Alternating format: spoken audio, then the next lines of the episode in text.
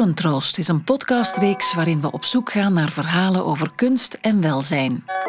Deze afleveringen staan in teken van neurodiversiteit. Daaronder verstaan we de erkenning en de appreciatie van het feit dat niet elk brein op dezelfde manier werkt. Hoe gaat onze samenleving om met vormen van anders zijn? Hoe voelt het om een diagnose opgeplakt te krijgen? Moeten we af van de klassieke definities van normaliteit en gezondheid? Hoe kunnen we met meer begrip en minder vooroordelen naar diversiteit kijken?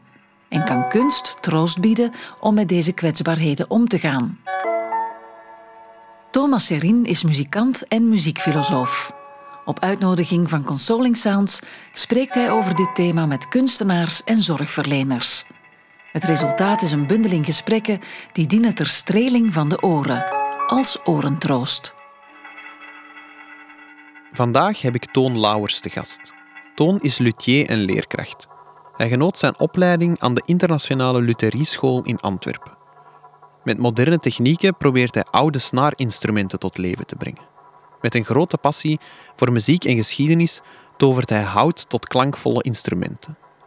Ik spreek met hem over de worstelingen die hij tijdens zijn schoolcarrière doormaakte, de diagnose van dysorthografie die daarop volgde en de manier waarop hij als instrumentenbouwer nieuwe vormen van betekenis en erkenning ervoer. Dag Toon. Dag Thomas. Als ik met jou over uh, welzijn praat, dan kan ik toch niet uh, anders dan even stilstaan bij het voorbije jaar, denk ik. Het is een, uh, een heel vreemd 2020 en 2021 geweest voor veel mensen. Hoe, hoe was dat voor jou? Het laatste jaar is voor mij, zowel persoonlijk als op, op zakelijk gebied, een heel vreemd jaar geweest. Dat kunt je wel zeggen. Mm -hmm. er was alleszins niets aan dit jaar dat ik kon voorspellen of mij kon op voorbereiden. Ik kan me nog uh, heel goed herinneren, 5 maart. Mm-hmm. Dan uh, waren ze mijn vrouw aan het voorbereiden op de bevalling. Oeh, ja. En ik was toen aan het lachen met uh, de arts en de verpleging in de gang um, over dat klein onnozel snotvallingske dat onderweg was waar ze zoveel aandacht aan besteden. Hoe is het toch mogelijk? Er sterven zoveel mensen aan griep per jaar, werd toen gezegd. Mm-hmm. Wat is onze tegendeel bewezen? Ja, dus je hebt eigenlijk een kind uh, gekregen op het moment dat het juist ja, begon. Wij zijn dan uh, een paar dagen later naar huis gekomen. Mijn, ik had een dochter van vijf al, vier toen. Mm-hmm. En uh, wij hebben toen twee dagen daarna tegen dat meisje moeten zeggen: Nore, dit is uw broertje jij mag niet meer naar school. Jij mag niet meer met de buurmeisjes spelen. Uh, oma en opa's komen niet meer binnen. Mm -hmm. Er komt geen dokter, geen poetshulp, geen kraamhulp, geen huisarts, niks. En alles viel stil. Ja. En hoe, hoe reageerde uw dochtertje daarop? Ja, best oké okay nog, gelukkig. Het was wel heel speciaal. We hebben gelukkig ben ik steeds thuis. Dus mijn atelier is thuis, ik werk thuis, ik ben altijd thuis. Mijn vrouw was ook thuis, aangezien dat ze in zwangerschapsverlof was. Mm. Dus zij kon heel veel met ons doen. Uh, wij hebben geprobeerd, in de mate van het mogelijke, met zo'n week oud ventje, om een soort structuur te proberen creëren. Dus s morgens staan wij allemaal op. Papa probeert een beetje te werken als het kan boven. Uh, eten en smiddags gingen wij wandelen. Het was fantastisch weer en zo hebben wij goh, enkele maanden de tijd proberen invullen. Mm -hmm. Het was een, een, moment voor het gezin op een positieve manier dan op een of andere manier toch? Ja, dus op, op dat gebied wel. Wij, hebben, wij en zij en ons gezin heeft uh, een kans gekregen die we nooit zouden kunnen krijgen op, om elkaar te leren kennen. Dat was mm. fantastisch. Dus hoe zij dan haar broer leerde kennen, hoe dat wij elkaar leerden kennen. Maar vraag mij dat na twee weken om vier uur s'nachts nog eens hoe het is om heel de tijd samen te zijn zonder iemand die eens een kleinkind kan vastnemen of overnemen. Dan denk ik daar niet zo over. Mm -hmm.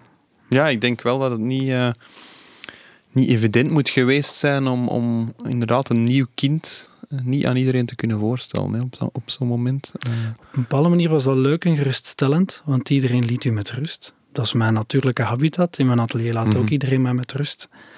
Uh, maar gewoon een beetje hulp was heel welkom geweest. Mhm.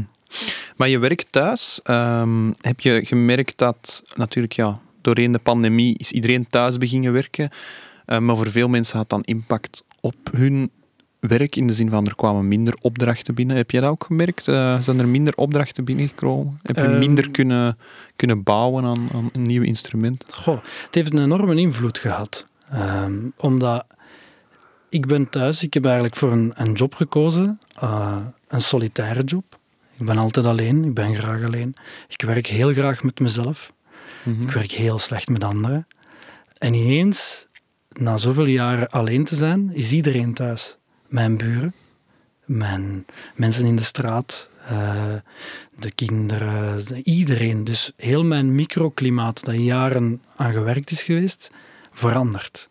Dat was onvoorstelbaar aanpassen. Zelfs nu, tot op vandaag, is dat aanpassen. Mijn vrouw die thuis werkt, wat dat fantastisch is, samen eten en heerlijk, maar zo die, die, die sfeer waar ik in terecht kwam, of dat soort van die werkethiek die ik had en nodig had, die is volledig veranderd en doorbroken. Ik kan het niet meer zeggen dat mijn mm-hmm. microklimaat is aangepast.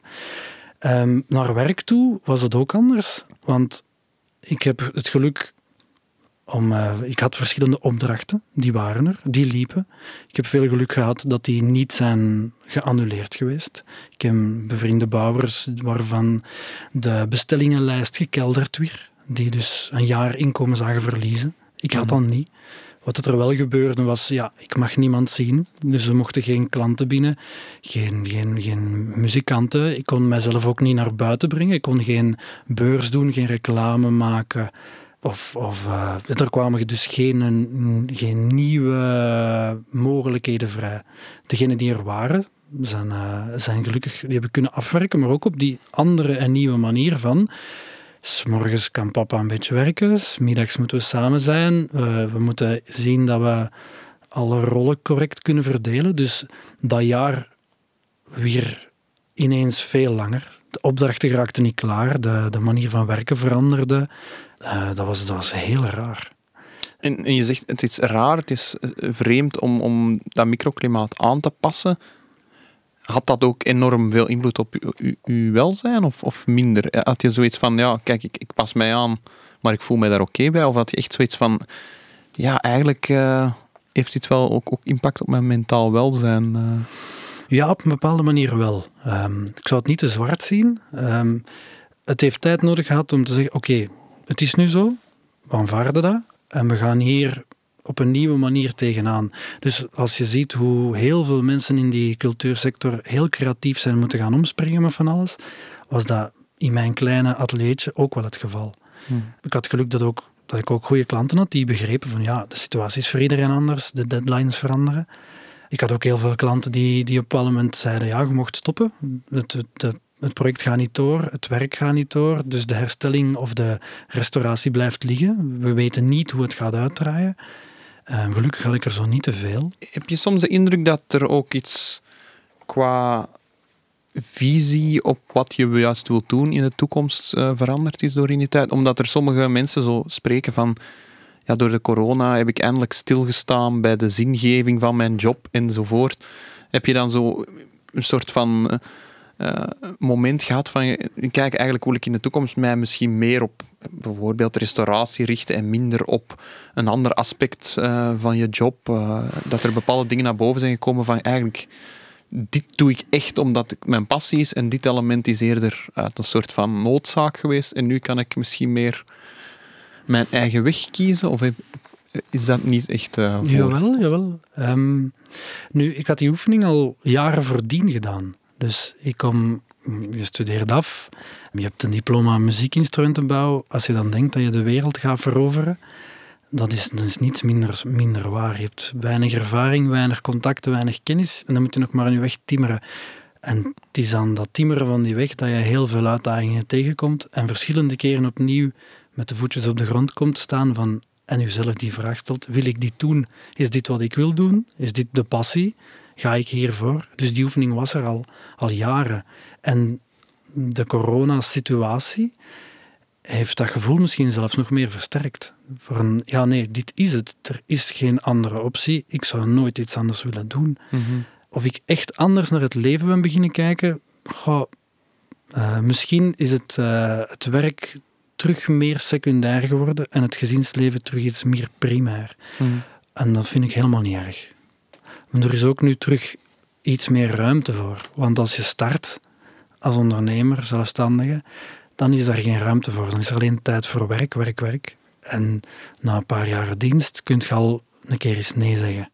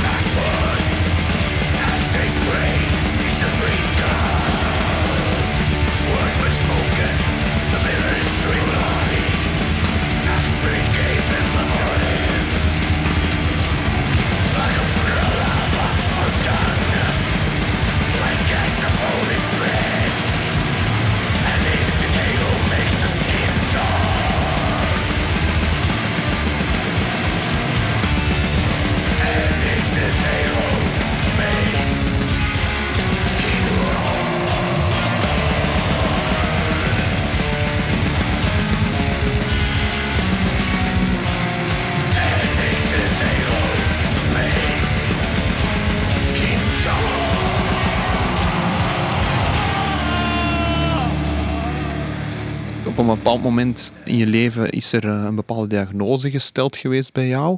Dat heeft jouw schooltijd ook eh, enorm eh, bepaald. En dat heeft een bepaalde link ook met de keuze die je later hebt gemaakt om bepaalde dingen te gaan doen. Kan je daar iets over vertellen? Wanneer, wanneer is dat begonnen? Er is een bepaalde diagnose van dysorthografie gesteld. Vertel daar eens over. Ja, de officiële diagnose is dysorthografie, inderdaad. Ja, dat is een hele schoolcarrière lang. Hè? Dus als, dat begint in, in het eerste leerjaar eigenlijk.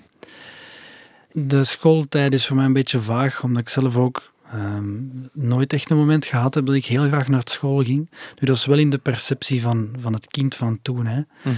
Ik weet, in het eerste jaar is er zo'n verhaal dat mijn ouders afkwamen en eh, nadat ze met de directie gesproken hadden. Ja, het is een goeie. Hij heeft, ik weet niet hoeveel punten, het was, het was een goed rapport op het einde van het jaar. We kunnen goed naar het tweede leerjaar. Het is een goeie, het is een slimme, daar ga je geen last van hebben. Ik had één of twee medestudenten die al het iets moeilijker hadden. Uh, dat wist ik. En daar, daar werd dan over gesproken, ja, die, die moet, moet misschien iemand een jaar blijven zitten. Ah, ik wist dat dat bestond, maar in mijn geval was er geen sprake van. In het tweede jaar was het al wat minder.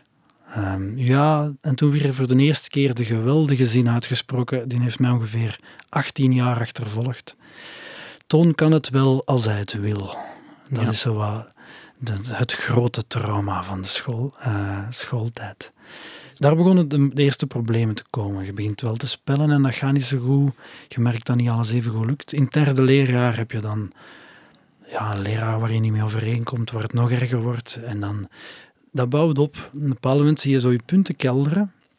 En ik kan me herinneren, in het... Uh, ik denk dat rond derde of vierde leraar moet geweest zijn, moet er toch een juf gezegd hebben, misschien moeten jullie Toon laten testen. Er, er, hij, hij, kan niet goed volgen, of, of hij kan niet goed zien in de klas, of er is iets dat niet juist is.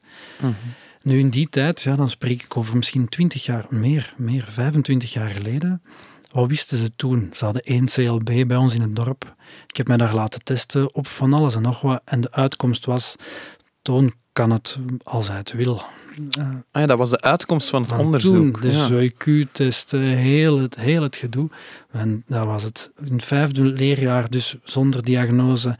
De ene speciale klas naar de andere klas, de hulpjuffen. En dan, uh, mijn ouders hadden uh, alles op alles gezet voor bijles, uh, zeker als het over talen ging. Die kon niet volgen. In het vijfde leerjaar kan ik me herinneren dat ik heel veel ziek werd. Dat ik heel, helemaal niet graag naar school ging. Ik denk dat er in mijn schoolcarrière geen dag is geweest dat ik graag naar school ben gegaan. En in dat vijfde leerjaar je dat ergst. Dan, dan, er moet iets geweest zijn, ik weet het niet goed niet meer, dat ik, dat ik naar een tandarts was geweest. Ik had antibiotica gekregen. Ik heb toen die dag wat buikpijn gehad en ik heb dat ongeveer een half jaar uitgespeeld. Ik heb een half jaar buikpijn gehad. Nu ja, komt niks van. Zesde leerjaar, dat is nog zo'n trauma. In het zesde leerjaar op de speelplaats, alle kinderen bij in de directie roept alle punten af van alle leerlingen. En je, je merkt zo, ja, ze beginnen bij 90. Hè, en uiteindelijk, ja, ik eindig bij de laatste drie, denk ik. En erdoor, Toon Lauwers. Allee, oké, naar de technische. Mhm. Ehm, mijn ouders, alles op alles. Allee, dat kan toch niet? In die tijd was technisch nog een beetje een scheldwoord. Met de directie gaan praten van de school, bij ons in Torp. Oké, je mag beginnen in de moderne. Wat ik een beetje mijn, mijn, mijn school verwijt, is niet dat ze het niet wisten. Of in die tijd werd daar niet over gesproken, wie wist dat. Maar vooral het tekort aan opties. Zij zeiden, hier is één lagere school in het dorp, er is één middelbare school. Het zijn die richtingen. Dat is het. Er is nooit gesproken geweest over, er is muziek. Nee, wist ik niet. Er is wetenschappen, technische wetenschappen. Nee, geen flauw idee. De focus meer op wiskunde, er is ook nooit gezegd geweest dat ik een probleem had met talen. Het enige probleem was, Toon wil het niet en mhm. kan het wel. Nu, dat gaat zo verder en ik ga naar de middelbaar bij ons in het dorp. Op een bepaald moment zeggen ze, ja, Toon, moderne, dat is echt veel te moeilijk voor jou. Of je moet beter je best doen. We gaan nu naar de technische sturen. Oké, eh, wat zijn de opties? Wij geven deze twee richtingen. Zijn er andere richtingen? Misschien in andere scholen? Geen idee. Oké, die technische, daar ga ik naar daar. En dan dus gaat het over verzorging. Je, gaat, je krijgt koken, je krijgt sociale wetenschappen. Super tof, super interessant. Maar ik vraag me de hele tijd, wat zit ik hier in godsnaam te doen? Nog steeds met die opmerking. Toon, wil het niet, maar kan het wel? Oké, en in het midden van het jaar is alles ontploft. In, in het derde middelbaar zie ik, nu, nu is het gedaan. Ik kan niet meer. Het is te veel. En ik ga, uh, mijn vader en mijn moeder zijn muzikant. Mijn vader die gaf ergens les in een kunstenmajora. Daar werd niet veel over gesproken. Ik zeg, ik ga naar daar. Ik stop. Ik speel muziek. Ik doe dat graag. Ik laat alles vallen. En ik ga naar daar. Welke muziek? Uh, klassiek. klassiek ik, muziek. ik speelde gitaar. Uh, ik speelde klassieke gitaar. Mijn ouders waren twee klassieke muzikanten. Uh, ik ga naar daar. Vergeet het, ik kom nooit meer terug. Ik heb het ook niet meer gedaan. Ik ben ook nooit meer teruggegaan naar mijn andere scholen.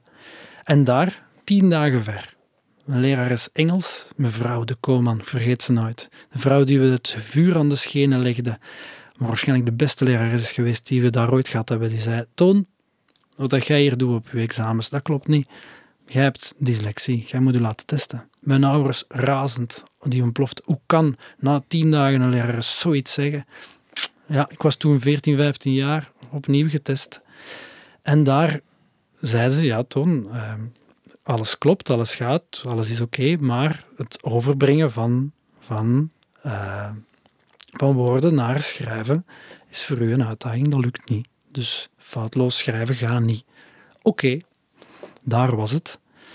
Um, dus, dus op dat moment kreeg je die diagnose dyslexie en dysorthografie? Dysor dysorthografie en vooral ook met de opmerkingen van ja, op deze leeftijd is dat eigenlijk zeer moeilijk terug te vinden.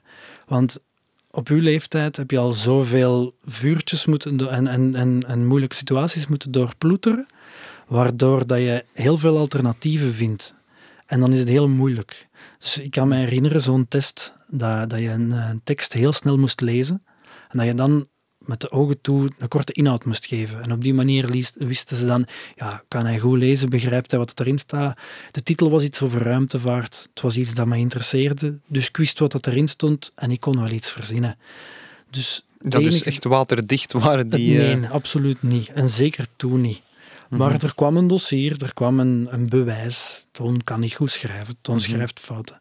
Want eigenlijk die problematiek begint op jonge leeftijd. Uh, je voelt je anders als anderen. Zeker. Je zelfvertrouwen wordt aangetast. Mhm. Want ze zeggen eigenlijk dat het jouw uh, probleem is. Hè. Mm en maar uiteindelijk krijg je die diagnose dan. Deed dat deugd dat er toch iets van labeltje ontstond op dat moment? Uh, dat je toch ergens iets had van ah, het is misschien toch niet mijn schuld dat ik hier uh, al, al, al 14 jaar problemen op school heb? Als eerste indruk denk je, ja, eindelijk. En nu gaat er iets gebeuren. Maar na 10 dagen besef je dat er niks verandert.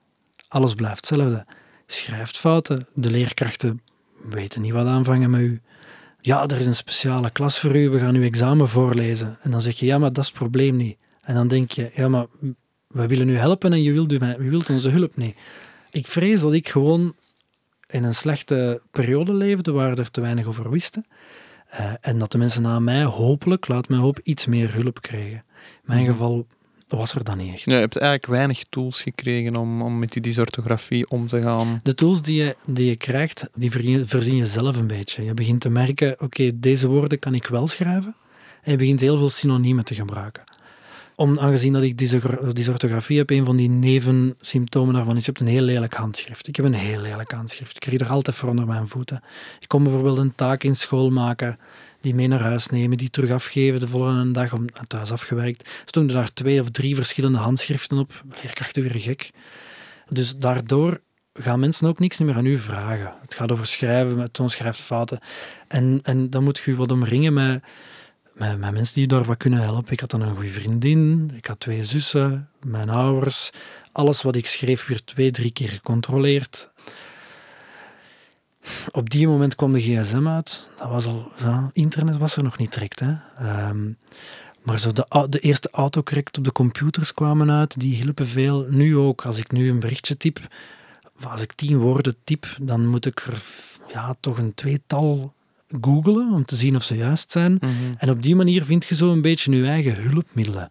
Er zijn natuurlijk veel mensen, denk ik, die ergens wel een idee hebben hoe dat dysorthografie tot uiting komt, maar leg het toch nog maar eens goed uit wat dat voor u of zo hmm. is. Want ik, ik vind dat zelf ook iets moeilijk om daar altijd correct over te spreken, omdat ik denk, ik ben zelf schrijver bijvoorbeeld, ja, voor mij is schrijven een, een, een automatisme, maar ik kan me heel moeilijk eh, voorstellen hoe dat, moet zijn voor u om inderdaad er niet in te slagen om een, om een, een zin correct grammaticaal bijvoorbeeld neer te schrijven. Hm. Maar veel mensen hebben, hebben vaak het idee, die orthografie, dat zijn mensen die niet kunnen schrijven. Maar ik denk dat, mm is dat, is dat eenduidig? Is, is dat te, te simpel, simpel voorgesteld? Het grote probleem met, met al die labels en die diagnoses is dat het zeer individueel is. Je hebt zoveel gradaties. Je hebt heel veel mensen die het misschien hebben en waar je het nooit niet van zult weten. Je hebt mensen die gewoon echt geen, geen woord juist kunnen schrijven. Er zijn zoveel gradaties. Als ik dat nu aan een vriend op, op, op café of zo moet uitleggen, dan komt altijd hetzelfde eruit. Als jij een, een woord moet schrijven, dan zie jij een woord. Als iemand zegt tafel, dan zie jij het woord tafel. En ik zie vijf letters. Dus ik zie een T, een A, en dan, ah ja, dan een F. En het probleem is, als ik, ik heb geleerd na een F, dus die krollen, die krolbeweging, die motoriek, ah, daarna schrijf je makkelijk een L. Hm. Ah, oei. En dan een E. Maar dus als ik een woord moet schrijven, dan zie ik een aaneenschakeling van letters en niet een woord. Als ik dat lees, is dat anders. En wat bijvoorbeeld voor mij persoonlijk ook een heel moeilijke is, is EU en UI uit elkaar halen. Dus ik moet dan altijd denken aan de eerste twee woorden die ik leer, nog steeds vandaag, aan, aan deur en huis. Elke keer als ik zo'n woord heb, dan is het oké. En aan een deur weet ik het, het is EU. Oké, en dan kan ik dat op die manier schrijven. En zoals ik ook al, al, al aangaf, de, je begint op een bepaald moment begin je synoniemen te zoeken voor heel veel woorden. Dit woord kan ik met zekerheid of met het grootste procentuele kans Hm. juist schrijven.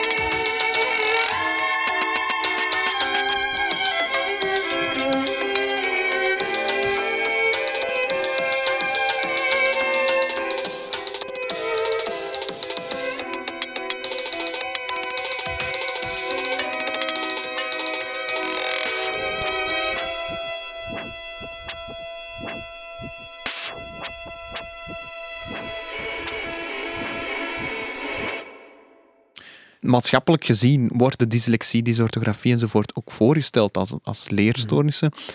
Vind je dat onze maatschappij daar misschien op een andere manier mee kan omgaan? Omdat natuurlijk ergens eh, het definiëren van iemand met een leerstoornis zorgt er ook voor dat het probleem individueel wordt gelokaliseerd. Mhm. Het gevolg is vaak dat het dan ook individueel opgelost moet worden. Mhm. Vaak komt daar dan medicatie bij kijken bij sommige eh, stoornissen, bij, zeker bij concentratiestoornissen zoals ADD enzovoort. Medicalisering tot gevolg, eh, psychologisering tot gevolg. eh, Toon moet naar de psycholoog, want hij moet dit oplossen. En je kent het verhaaltje wel, denk ik. Is dat de juiste aanpak? Heb je zoiets... Misschien moet onze maatschappij daar misschien op een andere manier mee leren omgaan. En misschien inzien dat niet iedereen de norm van goed schrijven per se moet, eh, moet bereiken. In mijn geval is dat een heel individueel probleem. En voor heel veel mensen ook. En je kan dat niet in een soort van, van tekstballonnetje of, of, of stappenplan gieten. Er is geen oplossing. Tot grote ergernis van iedereen rondom mij. Je mag mij nog vijf miljoen keer de DT-regels voor mijn neus leggen en uitschrijven. Dat moment dat ik een woord moet schrijven, met een D of DT, krijg ik die niet toegepast. Ik weet het, het mij 200 keer uitgelegd. Ik blokkeer. Dat gaat niet. Voor iemand anders ligt dat klemtoon misschien ergens anders. Voor iemand anders is het ja, grammaticaal. Je kan het uitleggen. Voor mijn geval is dat niet van toepassing. Dus ik kan wel zeggen, jullie moeten mij allemaal als een individueel iemand behandelen. Jullie moeten zich aanpassen of jullie moeten daar rekening mee houden. Maar ik kan me voorstellen dat in een klas van 30 mensen zoiets heel moeilijk is en heel uitdagend is. Ik denk dat er te weinig kennis is, te weinig geweten is. En dat het te moeilijk is om iedereen individueel te gaan behandelen. Je zit in een Mhm. klas met mensen, daar kom je dan nu in terecht. Ik kan me voorstellen als leerling, leraar, 30 mensen in uw klas. Van de 30 hebben er 20 iets. Begin dat maar op te lossen. Begin daar maar rekening mee te houden. Nu, we praten voornamelijk over de uitdagingen die je hebt gehad eh, met de diagnose die gesteld is geweest. Nu zijn er ook bepaalde voordelen die misschien eh, daarbij komen kijken. Je bent uiteindelijk in de instrumentenbouw terechtgekomen. He- is dat een rechtstreeks gevolg geweest van het feit dat je misschien bepaalde dingen hebt afgeschrapt van dit is vooral niks voor mij en dat je ja, toch in, in, in misschien meer iets had van kijk, ik ben niet goed met woorden, maar ik ben heel goed met, ambacht, eh, met aan dingen werken, eh, met mijn handen werken. Ehm, is daar een link tussen? Ja, dat, ik weet niet of dat, dat daar rechtstreeks mee te maken heeft, wat dat misschien in het karakter ligt. Net, eh, dat is weer zo moeilijk aan te tonen. Ligt het aan dysorthografie? Ligt het aan wie ik ben? Eh, maar inderdaad, op een bepaald moment begin je te merken, ja, hier ben ik niet goed in, dit vind ik niet leuk, dit zorgt voor frustratie. En dan zoek je dingen die dat helemaal niet hebben. Als, als ik jonger was, was het gitaar spelen. Als ik gitaar speelde, dan, dan had ik daar geen last van. Dat was leuk, dat was tof. Ik kon muziek lezen, daar had ik geen problemen mee. Muziek schrijven gaat trouwens ook, wat dat heel vreemd is. Eh, of Partituren uitschrijven, Ja. ja, perfect. Ja. Ga, geen last van. Die keuze is er ook een beetje gekomen, instrumentenbouw. Ook voor een beetje een, een dom toeval. Ik weet dat ik veel te veel gitaar gespeeld had, veel te hard gestudeerd had. Ehm, ik begon last te krijgen in mijn polsen. En eh, op een bepaald moment besef ik, ja, oké, wat is er fout gelopen? En je begint te knutselen, je begint te prutsen, je begint de gitaar... En die gaat stuk, die, die, ik probeer die te herstellen, dat lukt niet. En je begint dan te merken, oké, hoe kan ik dit oplossen? Waar kan ik terecht? En je ontdekt dat er een school bestaat voor instrumentenbouw. En je gaat daar naartoe, je gaat naar die open deur, dat je merkt, ja, deze is fantastisch, dit is voor mij, ik kan hier, kan hier werken met wat ik graag doe, mijn passie, muziek en instrumenten. Ik kan met mijn handen werken wat ik graag doe. En ik weet nog, na dat de eerste lessen en de eerste schaafkrul, dat dat, dat, dat, dat alles overgenomen heeft. Dus die bouwmicroben, dat was geen reden vatbaar niet meer. Dat was het. Ehm, ligt dat aan die dysorthografie? Ik weet het niet. Maar daar, wa daar waren alleszins ook frustraties, maar niet degene die ik had. Misschien ligt het daar wel aan. Nu, je, kiest ervoor om instrumentenbouw te gaan studeren, wat natuurlijk niet geen evidente keuze is eh, in onze samenleving.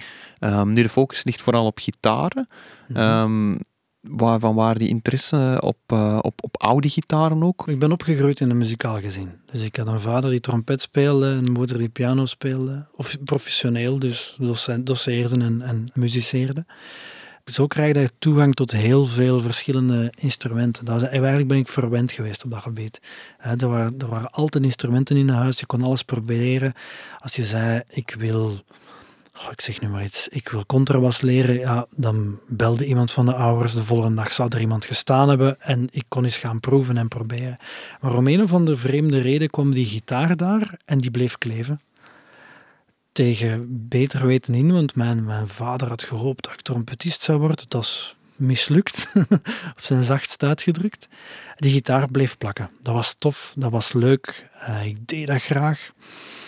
En van het een komt dan het andere. Je, gaat dan, je begint eraan te prutsen, zoals ik zei. En, en dan merk je, ah ja, je kan hier ook aan werken. Er bestaat ook een instrumentenbouwrichting die viool of gitaar of klavier aanbiedt. Ja, als je daartussen moet kiezen, is die keuze simpel gemaakt. Want daar heb je feeling mee, daar ben je mee bezig. Dat kan je spelen. Dus je kan je eigen product testen. Dat was, dat was gewoon het verder zetten van die liefde die ik had voor dat instrument. Die keuze, dat was geen keuze, dat was geen optie, dat was het. Dat was heel simpel. Als ik speel, maar ook als ik bouw, dan komt je in een soort van uh, de wereld kan ontploffen gevoel. En dat is iets dat een ongelooflijke energie geeft, ook een ongelooflijke troost als het moeilijk gaat. En dat is wel iets dat, dat, een, dat een groot geschenk is dat ik leren kennen heb omwille van muziek spelen, maar ook omwille van instrumenten bouwen. Um, dat is trouwens iets dat ik, als ik ooit iets aan mijn kinderen zou kunnen meegeven, dan is het dat. Vind iets waar je je eigen kwijt kan. Dat zou het grootste geschenk zijn. Is het horloges maken? Is het voetballen? Is het technomuziek? Doen. Als je al je energie en je frustraties daarin kwijt kan, dat is een mhm. fantastisch geschenk. En die instrumentenbouw, maar ook die gitaar, was misschien voor mij dat wel, wel dat geschenk.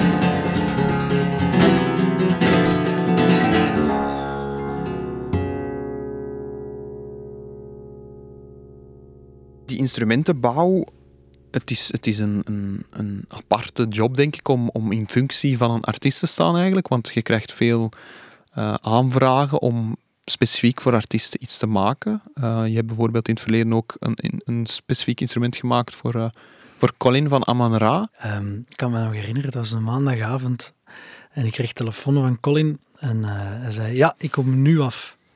Colin moet 40 minuten rijden om bij mij te zijn. Ik denk dat het 9 uur was. Ik kom nu af, maar ik moet eerst nog over Antwerpen iets gaan halen. En toen kwam hij voor mijn deur staan. Ja, sorry dat ik zo laat ben. Um, hier zijn twee horens. Kun je daar niks van maken? En dan ben ik beginnen, beginnen zoeken en beginnen doen. En dan uh, ben ik op een, een, historische harp terechtgekomen in de tijd van uh, de Egyptenaren.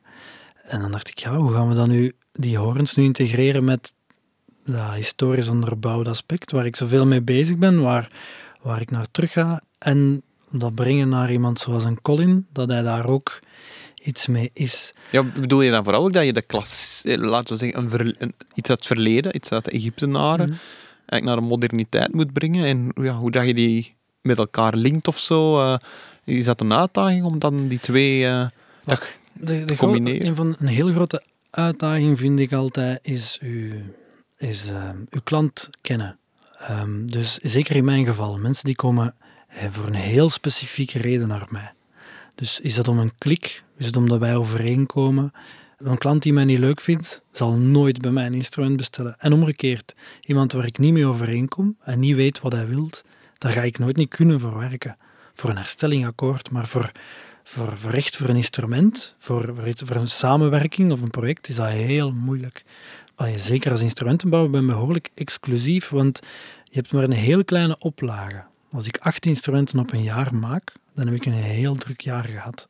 Dus met wat herstellingen en restauraties en projecten bij. Als iemand zoals Colin bij u komt met zo'n idee, dan is het vooral een uitdaging om te omfutselen, ja, wat wil hij net? En ik zit met mijn, met mijn achtergrond, dus die historische achtergrond, en die twee moet ik dan samen krijgen. Dus ik moet iets vinden waar hij kan op spelen, waar hij iets kan mee doen, die zijn noden op die moment vervullen en, en die kunnen gebruikt worden in zijn project. En het moet iets zijn dat hij kan maken. Dus dan, dan begint je te zoeken. En mijn ervaring met historische instrumenten is, hoe verder je teruggaat, hoe verder en hoe dichterbij je een uitgepuurde versie komt van iets. Bijvoorbeeld de allereerste, allereerste snaarinstrument, dat was, dat was een harp met mhm. twee snaren of een boog. Of, of bij, bij een blazers ook, in de middeleeuwen had een fluitje met één gat, dat ze open en toe konden doen. Ik heb ook al cursussen gegeven en dan probeer je op vijf dagen een instrument te maken met een helft 50% leken en 50% ervaren mensen. En daar leer ik ook, als we een cursus geven over een specifiek instrument, dat als je teruggaat naar een van de allereerste instrumenten daarvoor, dat je feeling hebt met dat instrument, dat je een basis creëert om op verder te bouwen en dat je een haalbare opdracht krijgt. Mhm. En in deze geval met Colin is dat eigenlijk ook zo. Je moet iets vinden dat lukt, dat intuïtief is, waar hij op kan spelen. Want ja, iemand zoals hem een harp in zijn handen duwen, ja, mensen heeft dat nog nooit niet vast gehad. Hè? Dat was die combinatie van al die parameters bij elkaar krijgen en te weten komen wat hij juist wilt. Dat is net zoals bij hem als bij alle andere klanten altijd de grootste uitdaging, denk ik. Ik weet als ik aan een nieuw instrument begin, dat, dat ik begin te tekenen. En als de lijnen op papier staan en de afmetingen erop staan, dan is het instrument af. Dan moet ik het nog maken. Dat is het moeilijkste niet. En, en wat is het uiteindelijk geworden dan? Uh... De lier van Megidio.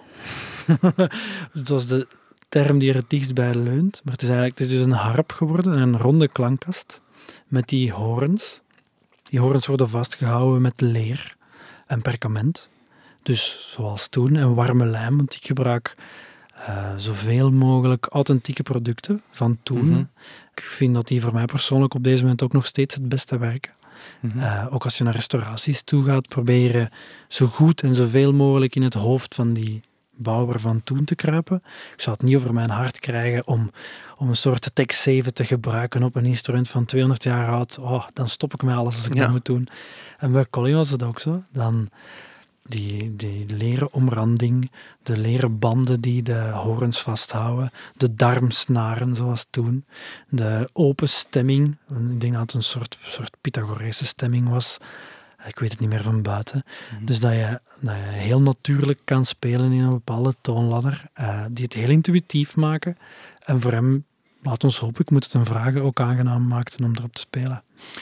Van waar die fascinatie met zo die puurheid en ook zo, ja, die waarde van authenticiteit die toch naar boven komt, ook van, ik vind het belangrijk om, om authentiek terug te gaan naar uh, hoe dat het toen uh, gemaakt werd. Um... Ik vind het heel belangrijk dat je uh, met respect voor toen en met een bepaald soort cultuur en traditie, dat je daarin werkt en rekening mee houdt. Maar je moet ook nog wel beseffen dat je voor een, een hedendaagse muzikant werkt. Dus die balans is een beetje zoeken. Wat ik ook al geleerd heb, en dat je heel veel ziet, is dat de musea vol liggen met mysteries. Er zijn zoveel instrumenten en technieken gebruikt geweest doorheen de eeuwen, waar als je daar nu naar staart, dat je alleen maar kan denken, hoe zouden ze dat in godsnaam ooit gedaan hebben? Dat kriebelt iets. Dan, dan, dan wil je dat kunnen, dan wil je dat leren, dan wil je dat te weten komen. En dan vind je het ook heel belangrijk dat zoiets doorgegeven wordt en gebruikt wordt. En meestal is ook zo'n zo'n technieken van toen en zo'n oplossingen van toen en die materialen van toen, die werden gebruikt omdat ze voorhanden waren, maar daar weer ook mee gewerkt. Dat concept toen was daar naar aangepast. Er zijn violen met een groef in aan de onderkant, zodat je de zijkanten en het bovenblad en achterkant in elkaar kan klikken. De lijmschaarste was er. Het was te duur om lijm te kopen. En dan kon je met, met opgeklopt eiwit dat instrument in elkaar kleven. Dat is mhm. fantastisch. Dat is mhm. geweldig om te weten, zo'n dingen. Ja, het is eigenlijk fascinerend dat ze vroeger misschien ja, toch al, al, al verder stonden in die dingen dan dat we soms denken. Want ja, als we aan, aan, moderne technologieën en moderne instrumenten denken, dan zijn veel mensen gefascineerd door uh, computermuziek en, en door uh, gitaren die, uh, elektrische gitaren die de zotste effecten kunnen produceren. Maar eigenlijk hadden ze heel lang geleden ook al uh, heel fascinerende technieken om, uh, om dingen mee te doen. Absoluut. Er zijn, daar word je dagelijks, eh, zeker in, in, in dat milieu, word je dagelijks geconfronteerd met dingen die wij niet kunnen en niet begrijpen. En met de beste technologie van de wereld niet niet kunnen repliceren. Ja. Onmogelijk. Instrumentenbouwers op zichzelf hebben natuurlijk vaak een, een bepaalde relatie ook tot een bepaalde cultuur. Je gaat je misschien meer focussen op bepaalde instrumenten uit een bepaalde cultuur. Snaarinstrumenten hebben een verleden in het Midden-Oosten. Mhm. Heb je het gevoel dat je ook een soort culturele diversiteit in de samenleving toegankelijker kan maken door instrumenten te bouwen die, uh, die, uit, die uit die culturen komen. Want natuurlijk, we leven vandaag in een multiculturele samenleving en als je eh, naar de muziekindustrie kijkt bijvoorbeeld, is die toch nog altijd vrij westers georiënteerd. Ik kan me voorstellen dat door het bouwen van instrumenten die meer uit een, een, een oosterse cultuur bijvoorbeeld komen, dat je misschien ook die culturen meer kan promoten, meer in de kijker kan zetten, mensen kan stimuleren om meer niet-westerse muziek te mhm. luisteren? Ik spreek nu puur over mijzelf, maar ik ga mijzelf niet de arrogantie geven dat ik een instrument uit Irak beter kan bouwen dan de Irakees dat dat instrument al 30 jaar bouwt. Ehm, dus op die manier diversifiëren misschien niet. Ehm, maar wat ik wel vind, en een beetje een tekort aan is, is er wordt, ah, zeker in de klassieke wereld, er worden op moderne instrumenten, moderne uitvoeringen gedaan van historische stukken en historische partituren. Wat dat heel mooi is, absoluut, kan perfect. Maar als je zo iemand als uh, mijn, mijn, mijn dierbare vriend Maarten van den Bemde, geeft les in Brussel, als je die een 19e-eeuwse gitaar in zijn handen steekt en die speelt dan een stuk van toen, oh, dat is fantastisch. Dan sta je helemaal stil en dan ga je bepaalde details en bepaalde dingen ontdekken in die muziek die veel beter tot hun recht komen, omdat dat plaatje klopt. Die, die, die sfeer klopt. Ik weet nog heel goed, uh, ik heb het geluk gehad om op het einde van, van dit jaar, dus in het begin zelfs, een instrument af te werken voor het Vleeshuis, een gitaar van 1820. Mm -hmm. Super tof instrument. Dat kwam in mijn atelier, ze zeiden we willen dat speel klaarmaken, we willen er iets mee doen. En ik dacht, oei, oei, dat gaat niet goed, dat, dat is niet veel soeps. Dat, dat je zag zo, dat was een barstje, dus een beetje werk aan. Dat is dan uiteindelijk geëindigd met volledig demonteren. Kan dus, ik moet je voorstellen dat zo'n instrument van een museum dat dat wel wat stress met zich meebrengt, want je wilt niks stuk doen, je wilt dat alles goed blijft. Ik weet dat ik voor het vleeshuis stond, een verzekeringsagent belde. Zoveel is dat waard, ben ik verzekerd als ik dit meeneem naar huis. dat is heerlijk. Dus, en uiteindelijk voelt je na een paar maanden dat dat instrument helemaal tot leven begint te komen. En je krijgt een indruk dat je, dat je van... Allez, ik, ik heb mijn ongelijk heel snel moeten toegeven. Van mijn eerste indruk was... Uh, dat, dat gaat niet. Dat, ik weet dat ik nog belde, Maarten, je moet erop komen spelen. We gaan iets doen, we gaan daar iets mee opnemen. Het vleeshuis gaat samenwerken. Bereid u voor, doe niks te moeilijk. Laat, pakt, pakt veel tijd in uw stuk, het gaat, dan gaat het schoonst klinken. Wat een nonsens, wat wist ik toen? maar dat was ook in een jaar, ik had een jaar niks gezien, niks gehoord. Geen, geen mensen, geen klanten ontvangen, niemand. En ineens krijg ik een opdracht. En ze zeggen, ja, we gaan er meer voor doen als ze klaar is. Het is besnaard, we kunnen op spelen, komt jij af. Dat is de muzikant van uw keuze, de Maarten. Oké. En we gaan in het vleeshuis een opname doen. En ik weet na dat jaar van muzikale stilte dat de Maarten hem neerzet. En dat ik na een jaar geen muzikant gehoord heb, dat hij zijn eerste stuk begint te spelen op die gitaar. In die setting, muziek van toen. Als ik eraan denk, ja, dan, dan, krijg je, ja, dan krijg je tranen in je ogen. Dat was fantastisch. Dus op die manier kun je wel aan diversiteit doen.